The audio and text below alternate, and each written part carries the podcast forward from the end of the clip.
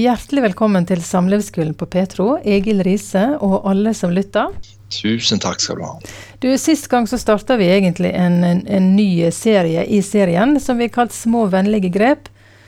Og Sist gang snakket vi om, om hvordan Gud ser på oss i velsignelsen, og at vi òg kan lære av det å se opp og, og velsigne andre med blikket, rett og slett. Og, og, vi skal fortsette litt med å snakke om det å, å se og bli sett.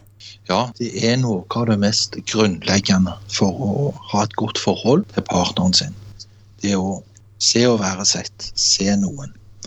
Så tenkte jeg at hvis noen ønsker liksom å tenke på det, har den tanken i hodet i dag I dag vil jeg se mine kjære. Så tar vi det opp. Da vil jeg si du, det å se noen, sant, det, det er akkurat som det handler om ørene. Ja, det er jo litt rart. Ja, det er litt rart. ja. Men det er gjerne fordi det å være sett har jeg kommet til, det, det, det handler litt om å føle seg lytta til. Det handler liksom om forståelse. At andre bryr seg om å sette seg inn i hvordan jeg har det. At mm. noen kjenner meg. Så du vet, ofte når vi snakker med noen, så lar vi blikket vårt vandre litt rundt omkring. Fordi hvis vi har gjerne kjent det, hvis noen kikker for mye rett i øynene dine, så kjenner du det litt, litt intenst. Så vi prøver ofte å dempe liksom, budskapet og stemningen Vi ikke kikke folk for mye i øynene. Men når vi lytter, da lar vi egentlig øynene våre hvile på den andre nesten hele tida. Og da er det lurt å nikke litt på hodet, og, men egentlig se på den andres ansikt hele tiden. Mm. Du, Anne Birgitte, det passer jo ikke inn, men liksom, har ikke du fått hund i det siste? Ja. jo. Hva, hva heter den? Han heter Louis Balto. To navn. Louis Bolto. Ja, Louis Bolto. Det er ja, en hund med dobbeltnavn. Louis Bolto. Ja. Det er kult. Men liksom, når den kikker Men det er mye å lære av Louis Bolto. For han ja. kikker vel litt sånn som man skulle ønske at mennesker kikker. Han er veldig oppmerksom når han møter deg og sitter og vrikker litt på hodet. og mm. sånn. Det er et ganske godt eh, tips for akkurat dagen i dag. Mm. Når jeg skal møte mine nære, så skal jeg tenke på Louis Bolto. Og så skal jeg nikke og, og smile litt og logre litt, på en måte. Og bare holde blikket, holde blikket mitt på den andres ansikt nesten hele tiden. Mm. Det er et godt tips. Det er et godt tips. Mm. Og så er det jo noe annet som bidrar til at vi føler oss sett, lytta til og forstått. Og det er at noen litt sånn fysisk stopper opp og blir rolige og fokuserte når vi deler. Store ledere, gode ledere, de gjør det. Hører de uro, så roer de seg. Hvis noen har bomba byen, så hopper man ikke opp og roper. Man blir rolig, man roer seg sjøl, samler seg sjøl og fokuserer. Det er sånn man leder på en god måte. Og sånn er det jo ofte òg når det er at man skal se noen man er glad i. Man må tenke på det som at når noen eh, snakker, så skal jeg stoppe opp og tenke på her er det viktig informasjon. Og Det jeg sier nå, det, det er jo hakket viktigere enn man kanskje tenker på i første omgang.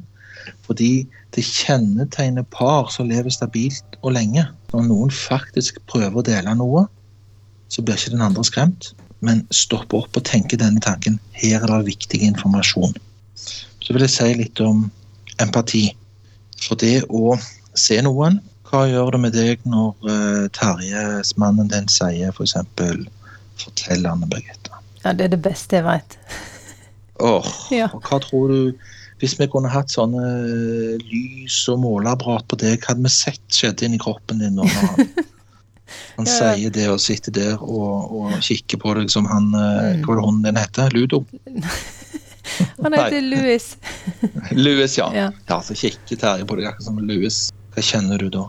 Nei, det er veldig godt, altså. For da vet jeg at han er interessert i å høre òg, da. Da er ikke det jeg som kommer, da er det han som sier 'fortell', kan jeg bare dele. Mm. Altså, det er så viktig å bli sett og hørt på at liksom du trenger, nesten, du trenger en bekreftelse på at han virkelig vil det, og det ser du faktisk på han. Mm. Du ser det på han at han er interessert. Det er gjerne halvparten av karamellen, det. At mm. han Ikke bare at du snakker, men at du ser at han hører. Ja. Ja, forskningen sier det at man blir roligere av. Man faller til ro i kroppen når det er at vi lytter til noen med innlevelse. Dels må vi jo være rolige for å klare å høre. Men det er òg sånn at når vi lytter, så faller vi til ro. Mm. Man blir roligere av å kjenne etter eller forestille seg hvordan det er under den andres hår eller oppi den andres sko. blir man roligere av. Men man blir òg rolig av å, sånn som du sikkert kjenner da med Terje, man blir rolig av at noen møter en med innlevelse og empati. Stemmer ikke det? Mm. Så Derfor er det en veldig, veldig god idé. For hvis du tenker på å bygge tillit, hvis du skulle tenke på tillit, hva følelse er der inni tillit? For meg så er det jo ro.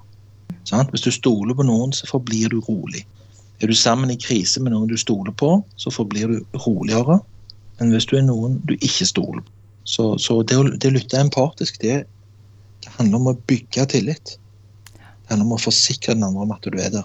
Så når du gir deg sjøl ro, innlevelse og empati, så får du lavere puls, og den andre får lavere puls. Du forstår bedre. Og det er mye lettere å forstå hva den andre sier. Når du ser på noen, så er det sånn at vi kan ikke se hva folk tenker, men vi ser hva folk føler. Så hvis du kikker noen i ansiktet mens du lytter, så er vi lagd sånn at vi forstår bedre betydningen og sammenhengen av hva de prøver å si. For vi ser hva de føler. Det kan man øve på å gjøre. Det blir alt bedre. Og så vil jeg bare si det at eh, om å holde ei kone, det blir avslutningen min i dag. At det å se noen og lytte til, det er akkurat som å holde ektefellen sin, særlig koner, holde dem fra innsida og ut. Og det kjennes så godt. Du vet, Jeg har sittet på kontoret mitt så mange tusen timer og sett liksom en ektefelle lete etter ansiktet til den andre når de deler noe som er viktig. Så når det er motsatt, altså at den som lytter, holder fast i den andres ansikt, og med hele seg formidler 'jeg er til stede og lytter, og jeg slipper deg ikke', så gir det jo reaksjoner akkurat som at man skulle ha blitt holdt på en god måte. Det føles som en omfavnelse og gjør veldig godt i kroppen. God oppfordring fra Egil Riise i dag. Takk for praten, Egil. Takk for praten.